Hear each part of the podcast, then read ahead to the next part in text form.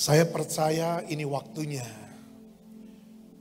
Sebenarnya sesuatu yang maksimal itu bisa dan dapat kita raih. Beberapa waktu yang lalu saya dapat penglihatan. Dan ternyata apa yang saya lihat diteguhkan dengan beberapa orang yang benar-benar melihat di tempat yang berbeda, di kota yang berbeda, dan kami tidak pernah berbicara. Yang saya lihat ada satu meja, dan di atas meja itu sudah tersedia semua yang dirindukan manusia. Mungkin saudara berkata, sampai sebatas apa pak yang ada di meja itu? Saya mau katakan semua ada. Sampai saya lihat sesungguhnya mobil, rumah, kendaraan-kendaraan. Semuanya ada.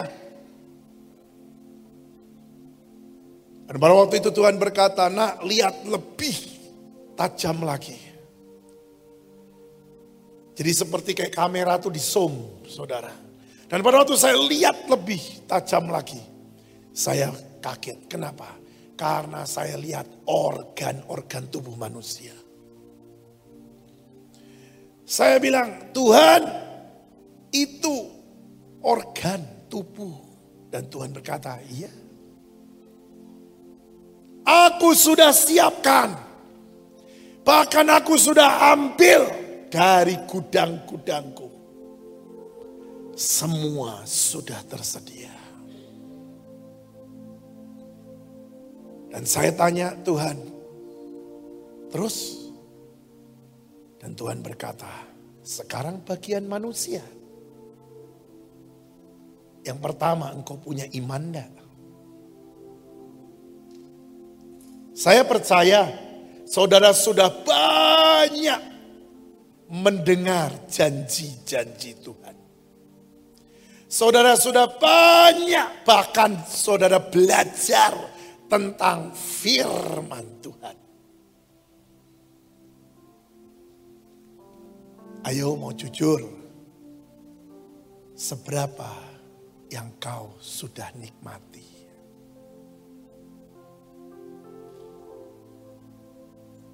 Kita jangan sok-sok lah saudara. Siapa di sini yang ikut Batra dari awal? Coba angkat tangan. lumayan banyak ya. Sekarang saya tanya pada semua yang angkat tangan. Ayo. Ada yang nyatet enggak janji-janji Tuhan? Nah, ya kan? Ibu nyatet. Yang lain pasti juga ada beberapa yang nyatet. Jujur, res. Berapa yang sudah digenapi? Hmm? Ayo. Lebih banyak yang sudah digenapi atau lebih banyak yang saat ini menunggu untuk digenapi? Oh iya.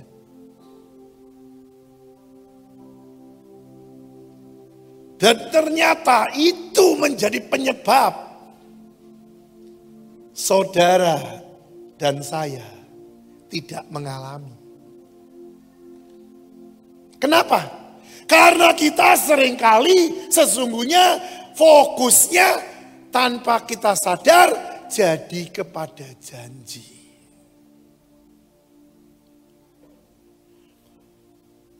Kita tidak sadar kalau fokusnya sudah berubah. Harusnya kita fokusnya kepada si empunya janji. Siapa yang berjanji? Tapi sesungguhnya, ayo, kita lebih senang dengan janji-janjinya. Dan itu menyebabkan wadah yang saudara dan saya buat untuk menampung setiap janji Tuhan tidak selesai-selesai. Firman Tuhan berkata, anggur yang baru harus ditaruh di tempat yang baru. Betul? Dan tanpa sadar saudara dan saya sejujurnya mau terima berkat. Uh, kalau deklarasi hebat, wes. Sampai orang terpesona, ini orang hebat deklarasinya. Tapi kehidupannya kok tidak menikmati janjinya ya. Apa yang dia deklarasikan kok tidak jadi ya. Atau belum jadi. Mengapa? Sekali lagi. Karena wadahnya belum siap. Karena sesuatu anggur yang baru. Kalau engkau masih pakai anggur, kantong anggur yang lama. Maka itu semuanya akan hancur. Bahkan berkat yang didapat itu akan hilang. Bersayap. Dan sering kali sejujurnya, maaf. Saya mau pakai kata yang sangat-sangat mengerikan. Yaitu apa? Saya minta maaf dulu. Berkat itu membunuh orang itu.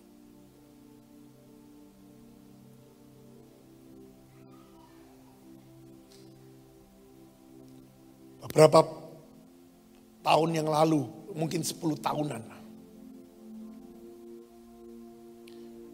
Tiba-tiba Tuhan bawa saya kepada satu titik yang sangat luar biasa. Ada sesuatu peningkatan yang sangat dahsyat dalam kehidupan saya. Ini benar saudara. Ini pengalaman hidup kira-kira 10 tahun atau 15 tahun yang lalu lah. Ada sesuatu peningkatan lompatan yang sangat tinggi. Sangat tinggi, saudara. Bahkan pada waktu itu saya tidak merasa bahwa saya dibawa ke tempat itu. Tetapi pada waktu saya di atas, di situ Tuhan izinkan saya jatuh. Saya bukan jatuh kepada wanita. Saya tidak jatuh kepada sesuatu yang saudara pikir bahwa wow jatuh itu berarti jatuh dalam dosa apa, dosa apa. Tidak. Tapi saya jatuh dalam apa? Tidak bisa didapati setia. Ini loh saudara. Jangan pernah berpikir pada waktu engkau di atas, enak ya. Ayah saya, Pak Yusa, selalu berkata, Nak, ingat ya, di atas anginnya lebih kencang.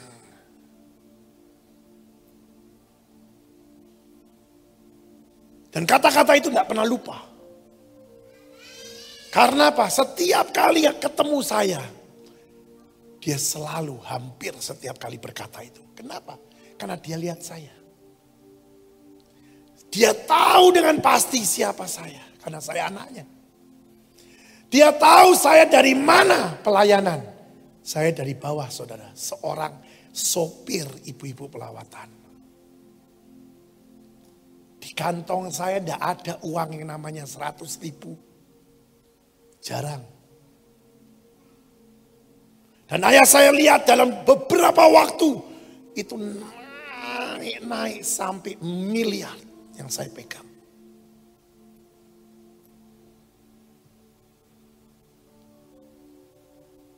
Dan ayah saya berkata, hati-hati nak, di atas anginnya besar. Dan sesungguhnya saya jujur, saya jatuh.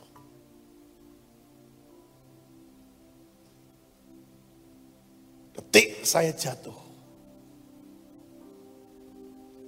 Yang pertama, didapati tidak setia. Yang kedua, meremehkan semuanya. Ya, saudara. Sejak punya uang banyak, semua bisa. Benar? Semuanya gampang.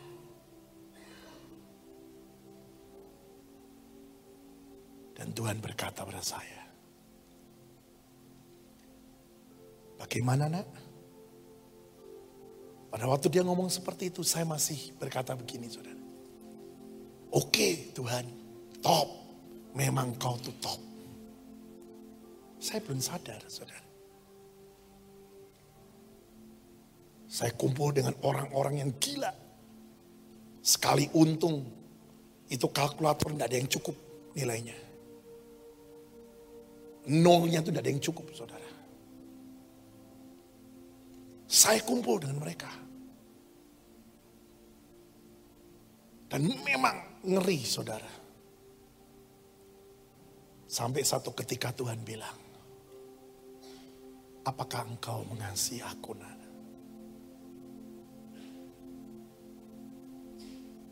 Percis pertanyaan Tuhan pada Petrus. Dan pada waktu itu saya masih berkata, Tuhan kau tahu, aku sayang kau. Dia tanya yang kedua kali, apakah kau mengasihi aku? Ini otak mulai jalan. Karena saya tahu, saudara pasti tahu semua itu tertulis di dalam firman Tuhan. Otak saya mulai jalan. Saya berkata, ini sama dengan yang Petrus hadapi. Saya tidak jawab, saya cuma diam. Dan dia bertanya tiga kali, apakah engkau mengasihi aku? Saya bilang, cukup Tuhan aku sudah luntur mengasihi. Ini yang sering kali kita tidak sadar, saudara. Ini yang dikatakan, wadah tidak siap. Pada waktu kita melihat semuanya tersedia, pada waktu kita berkata, oh aku bisa beli apa pun yang aku inginkan. Bahkan aku tinggal telepon. Orang-orang yang aku kenal akan menolong aku.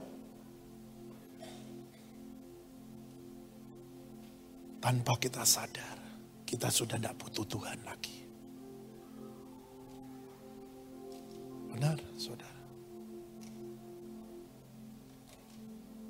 Dan di situ saya bertobat dengan sungguh. Dan Tuhan mulai berkata, siap masuk dalam proses? Siap masuk dalam didikan kembali? Dan itu pilihan. Saya tahu, saya bawa firman, saya ngajar, dan saya mengerti apa yang namanya didikan. Kalau apa yang saya hadapi disodorkan pada saudara. Apa jawabanmu? Engkau bukan di bawah loh. Engkau sedang di atas.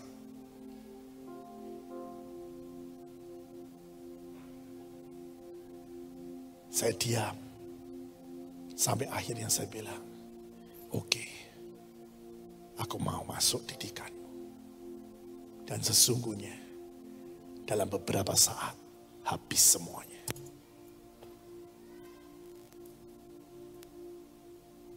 Saya jujur sama saudara.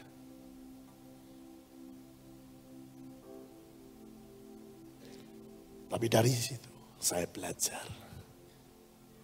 Didikan Tuhan itu seperti apa. Dia terlalu baik. Tadi kita nyanyi God is so good. Jujur, itu keluar dari mulutmu atau dari hatimu? Eh? Nyanyinya enak. Katisoku. Hanya sekedar nyanyi? Atau benar, Tuhan kau baik. Didikanmu itu bagus.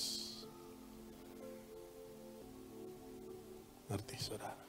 Saya ngucap syukur sama Tuhan. Tuhan ajar saya. Memang tidak enak, saudara. Pendidikan itu sangat sakit. Tapi kalau sudah jadi, engkau akan bisa lihat. Bukan seperti sebelum engkau dididik. Bahkan berlipat-lipat kali ganda. Tuhan siapkan engkau untuk nerima berkat.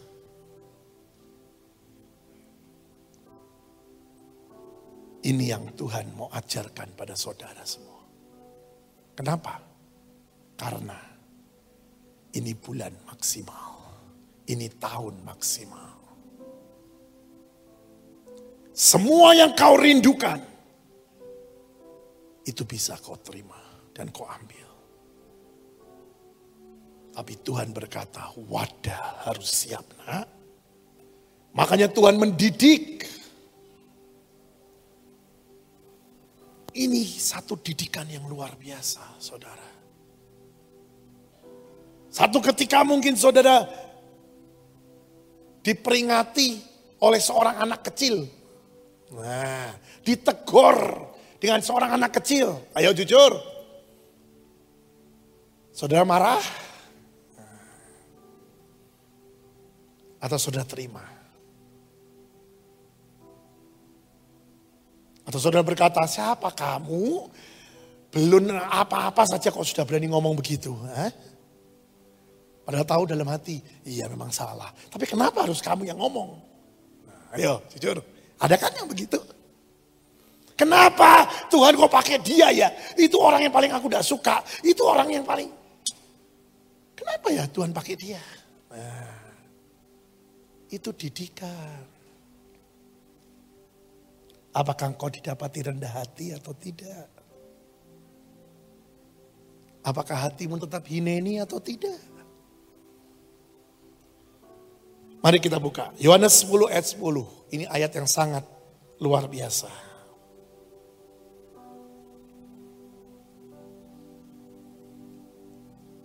Yohanes 10 ayat 10. Pencuri datang hanya untuk mencuri dan membunuh dan membinasakan. Aku datang supaya mereka mempunyai hidup dan mempunyainya dalam segala kelimpahan.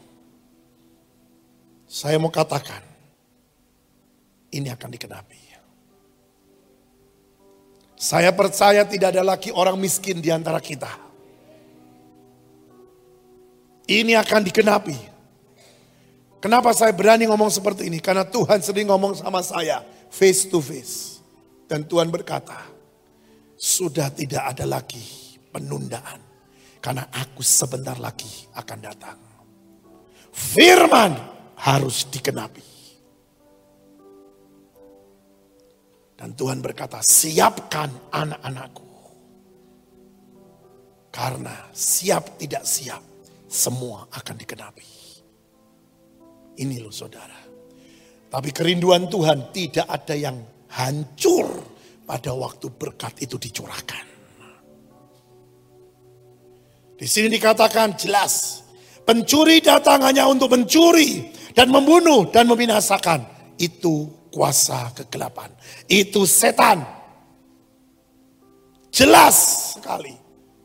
Jadi kalau setan itu memberikan iming-iming, memberikan sesuatu yang sepertinya indah, itu omong besar semuanya. Kenapa? Karena dibalik dari apa yang dia beri, dia pasti minta sesuatu. Bahkan kadang-kadang dia minta jiwamu. Benar saudara. Tidak ada yang gratis, saya mau kasih tahu. Tidak ada yang gratis. Karena di sini dikatakan jelas dia itu seorang pencuri. Dia datang untuk mencuri, membunuh dan membinasakan. Jadi jangan bodoh. Banyak anak Tuhan itu dibodohi setan. Sepertinya gampang ya, gampang ya, gampangnya. Di balik semuanya itu dia tuntut sesuatu. Tapi lihat Yesus.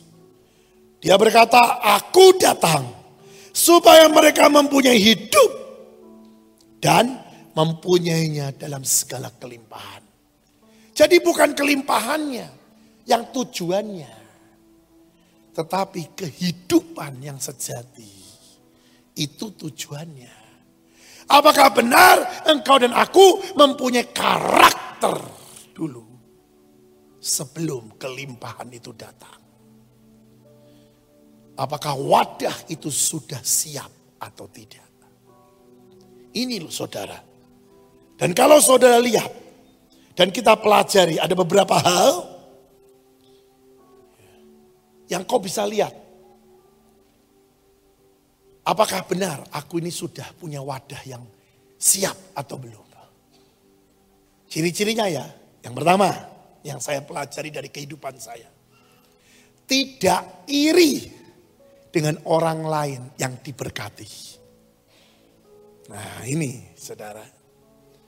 Satu ketika lagi engkau lagi santai, lagi di mall mungkin, atau lagi di mana ngobrol-ngobrol, tahu-tahu temanmu berkata, eh kamu tahu enggak ya itu itu loh si itu diberkati loh. Wow, dia sekarang punya mobil Rolls Royce. Ayo jujur, yang saudara masih pakai motor. Atau saudara masih pakai mobil, tapi mobil yang tidak terlalu bagus. Tahu-tahu kau dengar temanmu yang dalam tanda kutip, wah dia mah tidak rohani, tidak terlalu rohani seperti saudara. Diberkati, wow. Ayo, kau dengar dan iri enggak? Tingkat iri yang paling rendah adalah bertanya, mengapa dia diberkati? Aku kok tidak?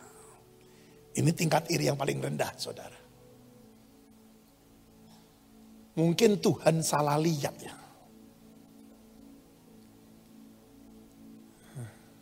Aku ini tidak pernah absen loh. Kebaktian setiap kali. Kalau ada sesuatu berkat, aku berdiri pertama. Buka tangan, terima, aku terima. Lah kok dia yang terima ya? Nah, ayo coba koreksi hati. Ini pelajaran yang saya dapatkan dari saya dengan Tuhan. Satu kali saya dengar seorang diberkati. Saya coba lihat hati saya. Irina. Kok masih tidak enak ya? Oh, masih belum siap ini. Sampai satu ketika saya dengar diberkati dan saya bilang luar biasa. Tuhan aku berkati dia lagi. Memang luar biasa engkau itu. Kaget saya. Saya sendiri kaget ngomong begitu. Saya bilang, loh saya kok bisa ngomong begitu ya? Dan Tuhan berkata, semua itu sumbernya dari hati. Kalau hati saudara tidak pahit,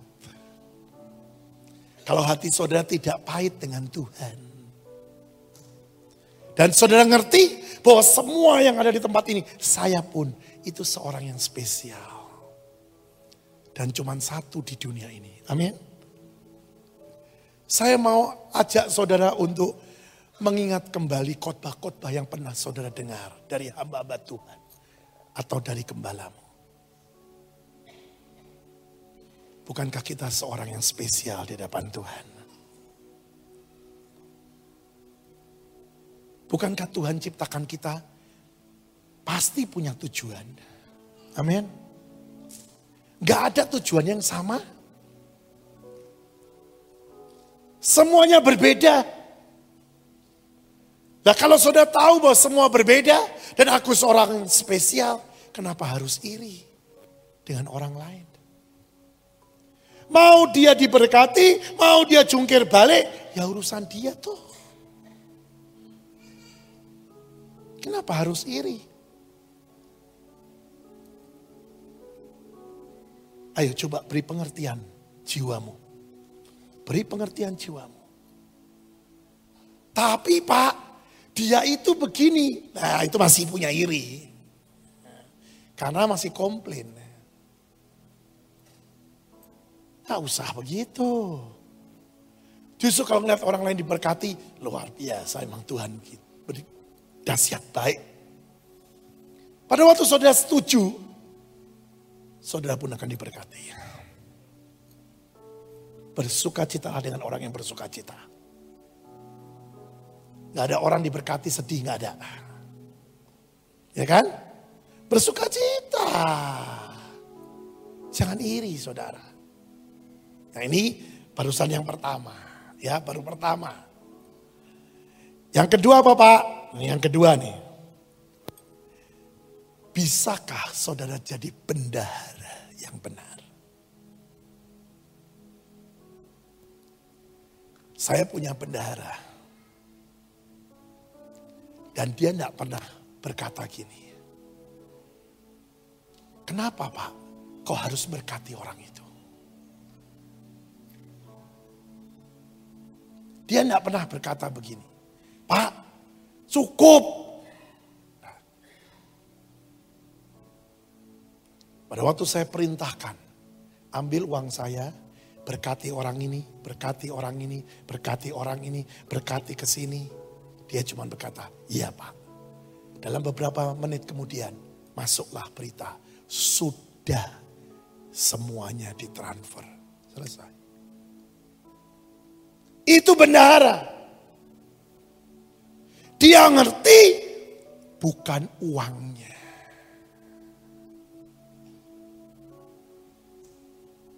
Saudara, sudah jadi bendahara belum?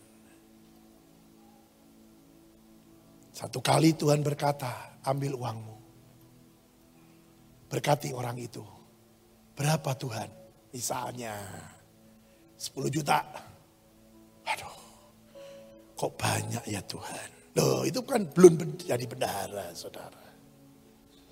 Apalagi Tuhan mungkin salah salah dengar aku. Mungkin bukan orang itu. Loh, itu bukan bendahara. Dalam perkara ini saya diajar Tuhan dengan sangat-sangat teliti. Satu kali sejujurnya saya pernah khotbah di satu tempat saudara. Khotbahnya biasa seminar lah tiga hari. Hari ketiga Tuhan berkata gini, tantang mereka untuk mempersembahkan yang terbaik. Saya nurut, saya nurut sama Tuhan. Dan saya bilang, saya tahu uangnya nggak dibawa. Nanti boleh transfer ke rekening ini. Dah, gitu. Sudah. Sudah saya lupa. Beberapa hari kemudian saya pulang ke rumah. Dan Tuhan berkata pagi-pagi, nak, ke bank. Ngapain Tuhan? Zaman dulu belum ada M-Banking. Ini udah lama. Ya. Lu buat apa Tuhan? Sudah ke bank, cek bankmu berapa. Itu sudah lama sekali saudara. Dan pada waktu saya sampai di bank, saya antre, sudah sampai di depan loket, saya berkata, tolong cek ada berapa uangnya. Di print saudara. Pada waktu saya lihat, melongo saudara. Kenapa? Satu miliar. Itu kira-kira 15 tahun yang lalu. Satu miliar. Saya bilang gini, oh satu miliar tuh nolnya begini banyaknya loh.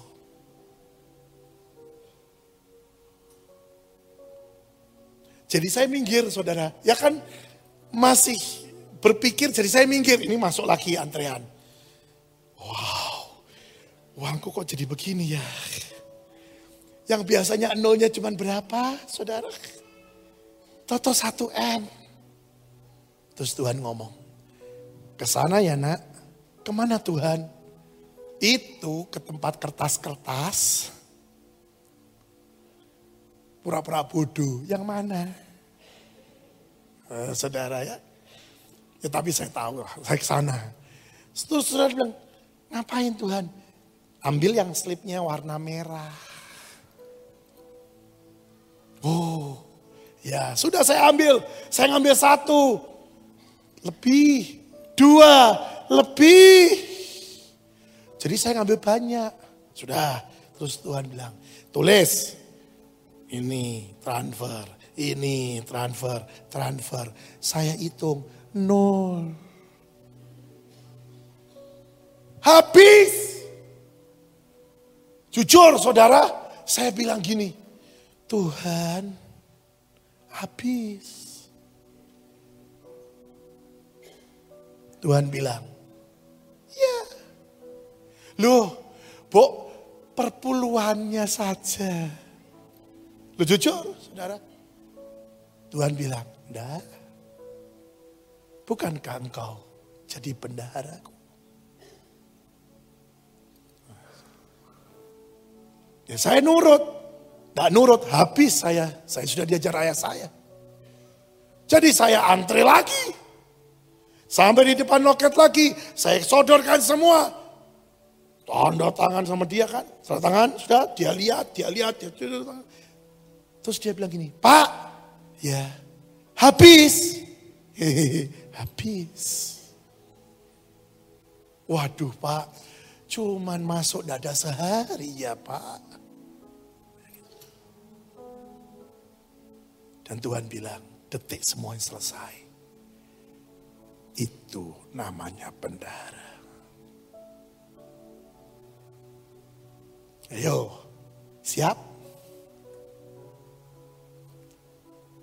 Lo kok diem semua jadi sunyi.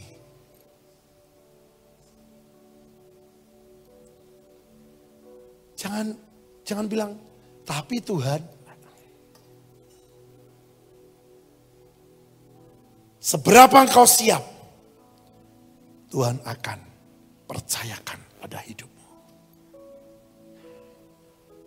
Jangan pernah merasa bahwa uangmu adalah uangnya dirimu. Nah, itu semua barang titipan. Semua barang titipan. Saya percaya sampai satu ketika engkau didapati sudah waktunya. Dan kau akan dipercaya sesuatu yang besar. Untuk Tuhan memberkati kita sangat kecil dan sangat simple. Serius saudara. Bahwa tidak lagi ada yang miskin.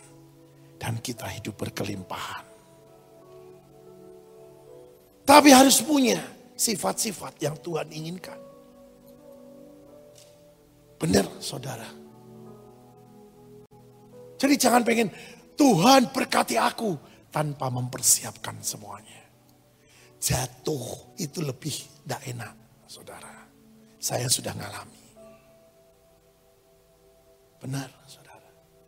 Lebih baik engkau minta saat ini. Tuhan ayo persiapkan aku terus Supaya aku punya karakter wadah yang siap. Nah wadah daripada setiap orang itu berbeda-beda. Ada yang kecil, ada yang besar, ada yang besar, ada yang wah besarnya luar biasa. Banyak. Sampai satu ketika saya ingat dengan ayah saya. Ayah saya berkata begini. Tuhan kasih saya itu bukan kolam tapi sumur. Saudara bisa bayangkan. Sumur, saudara, itu tidak habis, saudara. Dan orang bisa menikmati semua. Dan sejak dia berkata seperti itu, saya sebagai anaknya menjadi contoh. Lihat, benar. Tidak pernah dia kehabisan uang. Ngalir terus. Terus saudara. Bahkan banyak yang saya tidak ngerti setelah beliau meninggal. Banyak yang ngobrol dan ngomong sama saya. Aku ini diberkati loh Tuhan melalui ayahmu. Ini gereja ini berdiri. Ini loh tempat ini berdiri. dasarnya bendara. Ya, yuk maju lagi. Ini yang ketiga. Saya percaya saudara sudah tahu semua, tapi cobalah diingat lagi supaya engkau mengerti. Yang ketiga, bisa dipercaya. Ini saudara, ini sulit. Kalau sampai Tuhan bisa mempercayakan. Karena Tuhan berkata, nah aku mengerti, aku sadar, dan aku tahu engkau memang bisa dipercaya. Selesai. Nah, untuk saudara dapat dipercaya, itu ada banyak levelnya. Mungkin saudara bisa dipercayanya sebatas 100 juta. Mungkin saudara bisa dipercaya sebatas 1 M. Nah, mungkin saudara bisa dipercaya sebatas 1 T. Tapi mungkin juga saudara bisa dipercaya dalam batas puluhan T. Loh bisa. Jangan membatasi Tuhan. Jangan kau bilang gini, aduh saya mau minta muluk-muluk lah Tuhan. Seringkali maaf ya. Yang membatasi itu kita, bukan Tuhan. Tuhan punya rencana dalam hidup saudara dan saya besar.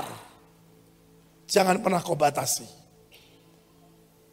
Sesungguhnya saya berani bersaksi, ada seseorang datang dan mencari saya.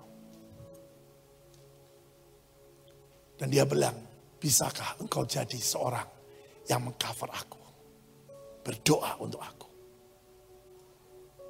Saya bilang, siapa saya?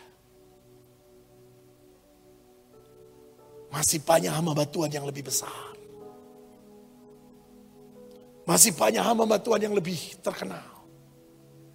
Tapi dia bilang, enggak. Tuhan bilang, kamu Saya sampai gini, Tuhan siapa saya? Kenapa saya ngomong begitu? Karena orang ini bukan orang biasa. Dia main jauh di atas saya, saudara.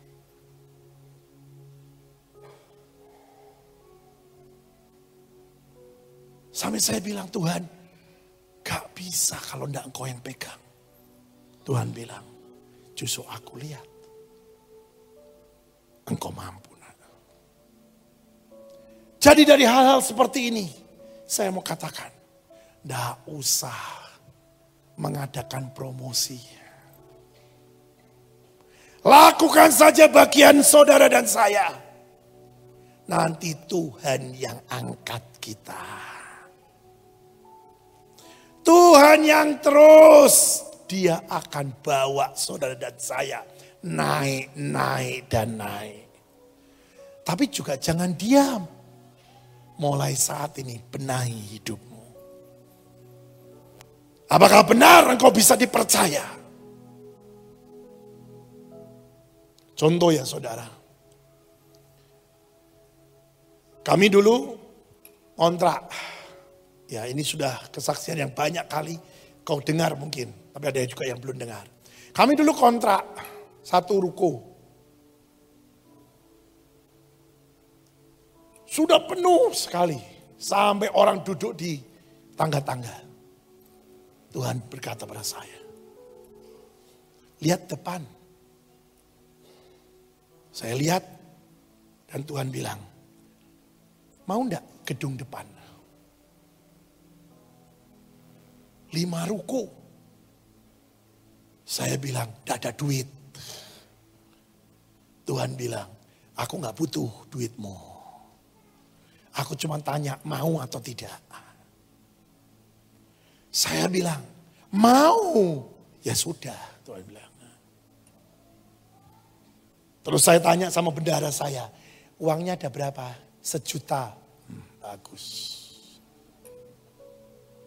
Bendara saya tanya, buat apa sih tanya uang? Ya kalau kau dipaksakan dua juta adalah kuras semua. Hmm. Saya bilang, lihat tuh depan. Iya itu ruko, lima ruko, ya. Tuh bakal kita beli. Uh, kaget ya. Dari mana duitnya? Terus saya sekalian ngomong seperti Tuhan, tidak butuh duitmu. Bendara saya bengong. Saya bilang, Tuhan yang kasih. Dan itu terjadi loh saudara. Apa yang kami lakukan? Seperti orang gila. Bagi kelompok. Satu hari, satu kelompok ngiteri. Jalan seperti tembok Yeriko dikitari. Ada yang ngiteri dengan puji-pujian sambil main gitar. Ada yang di depan toko itu, di depan ruko itu, mukul-mukul ruko itu dan mengatakan confess. Semua kayak orang edan. Dan semua mengenal kami adalah anak muda yang gila. Ya. Tapi tidak lama, ruko itu Tuhan kasih buat kami. Bisa.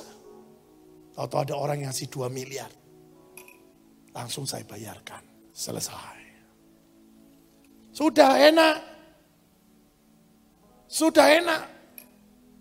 Tidak lagi sempit. Enak duduknya, nari bisa. Sampai terus.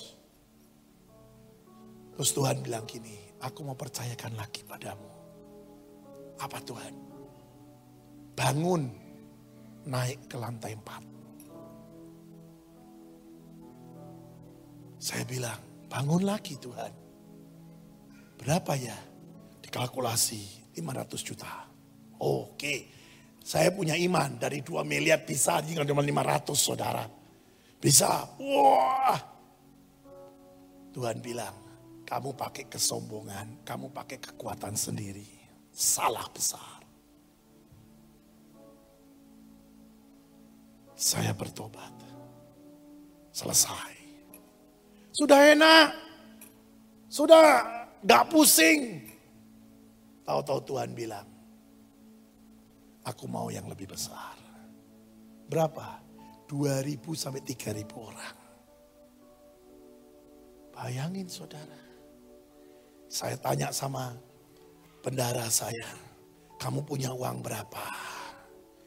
Puji Tuhan, cepek ada lah. Waduh, dulu cuma dua jutaan, sekarang cepek ada.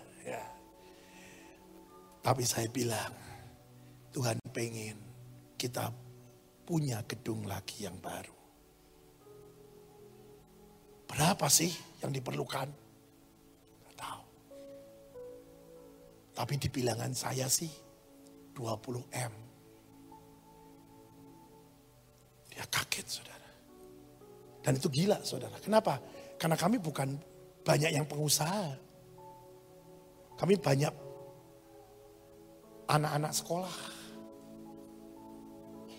Dan gak punya uang miliar-miliar itu. Tapi kami cuma melangkah. Kami cuma melangkah. Dan Tuhan merekayasa semuanya. Buktinya jadi 26 miliar sudah selesai semuanya. Mixernya 3 miliar harganya saudara. Dan cuma satu di Indonesia. Itu dikatakan alien saudara. Karena terlalu canggihnya luar biasa. Dan semua punya Tuhan. Lihat. Itu yang Tuhan akan bawa saudara. Jangan pernah batasi Tuhan. Yang sekarang saya rada tegang lagi saudara. Kenapa? Tuhan berkata aku mau lebih lagi. Saya nggak tahu nih apa yang akan terjadi di depan. Gedung itu akan kami beli. Dan sesudah dibeli apalagi yang akan terjadi saya nggak tahu. Apa kami bangun stadion? Tidak tahu. Tapi Tuhan berkata, aku tidak mau berhenti. Aku cari siapa orang yang bisa dipercaya untuk menyatakan bahwa firman itu ya dan amin. Saya percaya saudara mengatakan aku mau Tuhan. Tapi jangan cuma mau. Yuk siapkan karaktermu. Jangan pernah hitung-hitungan dengan Tuhan. Pada waktu Tuhan suruh engkau melepaskan berkat, jangan pernah berkata, tidak punya Tuhan. Dengar ya, Tuhan tidak pernah minta yang tidak ada dalam hidup saudara dan saya. Apa yang dia minta, itu pasti kita punya. Nah, kenapa dia minta? Sebenarnya dia pengen melipat kali gandakan lagi.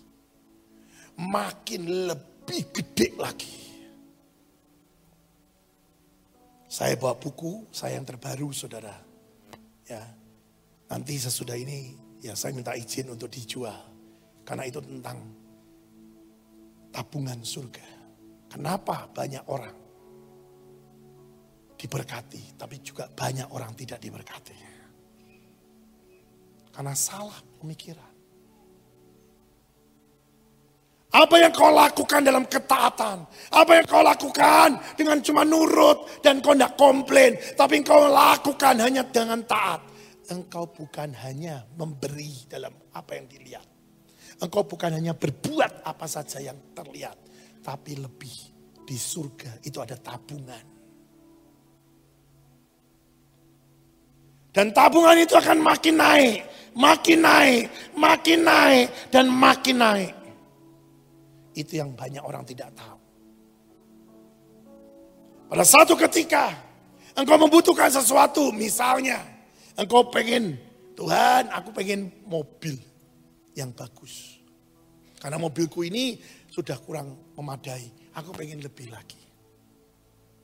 Sebenarnya secara otomatis akan dilihat tabunganmu di surga.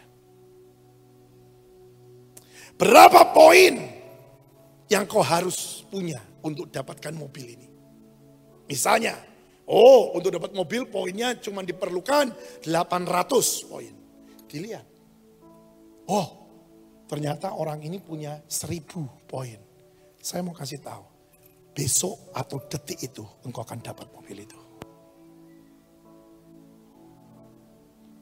Dunia mengikuti yang di surga. Tapi yang terjadi adalah apa? Poinmu butuh 800 dan dilihat poinmu cuma 600. Tidak bisa. Maka Tuhan akan mereka-reka. Supaya poinmu naik. Pada detik poinmu naik, mencukupi. Jadi, saya baru ngerti apa yang dikatakan Pak Yusa. Pak Yusa selalu ngomong gini sama saya. Ingat ya, semua yang terjadi di dunia itu dimulai dari surga. Saya pada waktu papa ngomong begitu, saya cuma ngomong gini, iya pak ngerti, tapi enggak nangkep apa maksudnya. Kenapa semua dimulai dari surga terus barusan ke bumi? Pada waktu Tuhan terangkan perkara ini, saya baru ngerti. Jadi, tergantung tabungan kita di surga berapa banyaknya. Dan bagaimana caranya Pak? Untuk membuat tabungan ini nambah dengan hidup dalam ketaatan. Tidak ada yang lain. Firmannya bilang, roh kudus yang akan menuntun kita. Roh kudus yang akan memberitahu kita apa yang harus kita lakukan. Itu caranya. Jadi semua tidak ada yang sia-sia saudara. Tidak ada yang sia-sia. Engkau mengerti ini dan kau bisa sadar. Benar ya, tidak usah iri aku. Karena aku orang yang spesial di hadapan Tuhan aku diberkati atau saat ini aku masih menunda, tertunda atau saat ini aku masih menunggu, bukan salah Tuhan, salah aku karena wadahnya belum siap. Simple. Tuhan tidak pernah menunda kok. Tuhan tidak pernah menunda. Dan pada waktu orang lain memakai sesuatu yang luar biasa, jangan kau iri.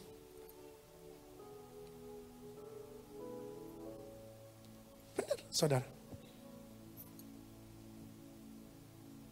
Buat apa? Saudara bisa asal engkau punya karakter yang benar. Yang terakhir, ada satu lagi, yaitu cara hidupmu.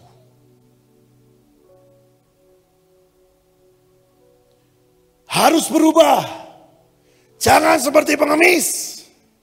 Lihat itu pengemis, minta-minta di jalan.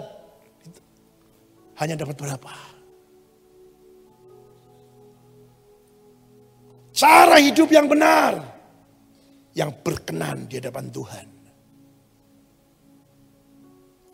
Engkau harus punya hubungan yang indah dengan Bapakmu di surga.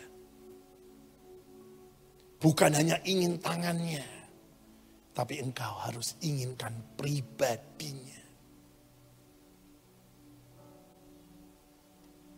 Benar saudara, jangan punya mental pengemis. Tapi jadilah hidup seperti Kristus hidup di dunia ini.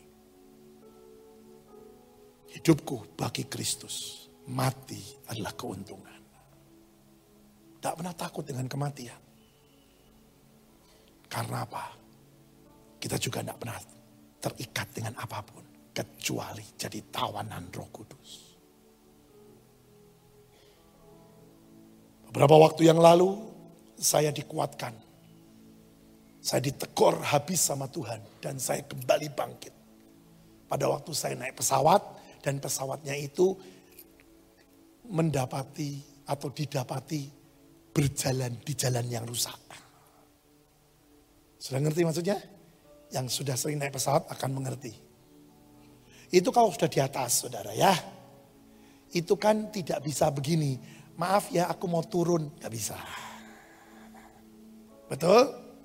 Kalau sudah di pesawat, nah terus ya, terus mendapati jalan yang rusak, duduk, duduk, duduk, duduk, duduk, duduk, terus kadang-kadang, wes ke bawah. Itu sudah nggak bisa gini, tolong, aku berhenti, nggak bisa. Benar? Dan di situlah Tuhan bicara sama saya. Nah, lihat semuanya tidak ada harganya. Punya uang sampai berapa banyak pun. Tidak pernah bisa menyelesaikan. Dan menjamin selamat. Punya kenalan sampai siapa pun. Tidak bisa menjamin keselamatan. Hanya Yesus yang bisa menjaminnya. Di situ saya sadar saudara. Banyak orang saya lihat, uduh sudah pegangan tangan, ada yang nangis. Saya enggak nangis. Saya cuma bilang gini, benar Tuhan. Aku percaya kalau aku masih ditetapkan untuk hidup, ya aku akan tetap hidup. Dan Tuhan berkata, lepaskan semua ikatanmu. Dan masuk menjadi tawanan roh kudus. Itu kuncinya saudara. Cara hidup yang berubah. Jangan cuma perlu Yesus karena ingin supaya keinginan terjadi. Jangan perlu Yesus karena pengen sembuh. Jangan cuma cari Yesus karena supaya, uh aku diberkati. Tapi engkau ingin ketemu dengan dia. Dan punya karakter Yesus. Yesus gak pernah takut loh. Jelas firmannya bilang, satu kali dia mau dilempari batu. Firmannya bilang, belum waktunya. Loh ini apa yang terjadi? Dia lewati semua orang itu dan pergi. Jelas. Tidak ada satupun yang terjadi tanpa sepengetahuan dia. Seberapa kau kenal Tuhanmu? Itu kuncinya. Karena apa? Ya maaf, kita ini anak-anak raja katanya. Tapi karaktermu sebagai pengemis. Ya sorry aja. Tidak ada pengemis yang tinggal di kerajaan. Bisa cengli ya? Bisa ngerti ya? Betul? Kalau kau mau hidup di kerajaan, ya kau punya karakter kerajaan. Serius ini saya. Jangan bilang berkati aku Tuhan, berkati aku Tuhan. Tapi mentalmu pengemis.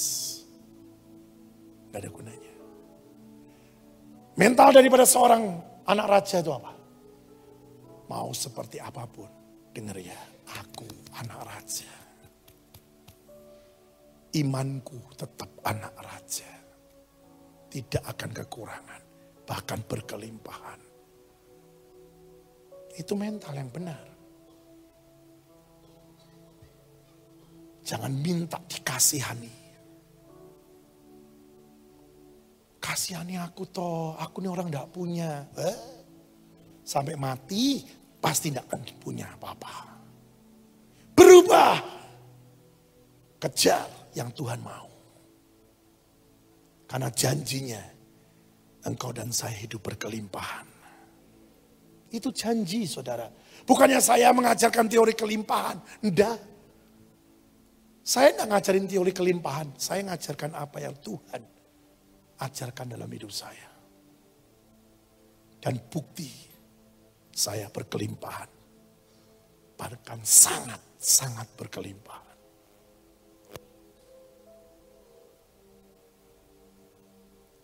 Nanti saudara akan dengar beberapa waktu di depan. Dan jangan kaget. Hamba-hamba Tuhan semua yang benar hidupnya berkenan. Di atas semua hidupnya. Anak-anak Tuhan tahu-tahu boom, boom, boom. Karena ini sudah waktunya. Saya mau beritakan ini. Ini bukan teori kelimpahan. Tapi inilah penggenapan firman. Jangan kaget. Dan jangan cuma jadi penonton. Tapi saudara semua harus mengalami. Saya sampai ditegur Tuhan habis. Pada waktu saya bilang, mana mungkin Tuhan. Tuhan bilang, siapa yang bilang mana mungkin. Aku mau buat hari ini pun engkau jadi seorang milioner. Bisa. Dan di situ saya bertobat.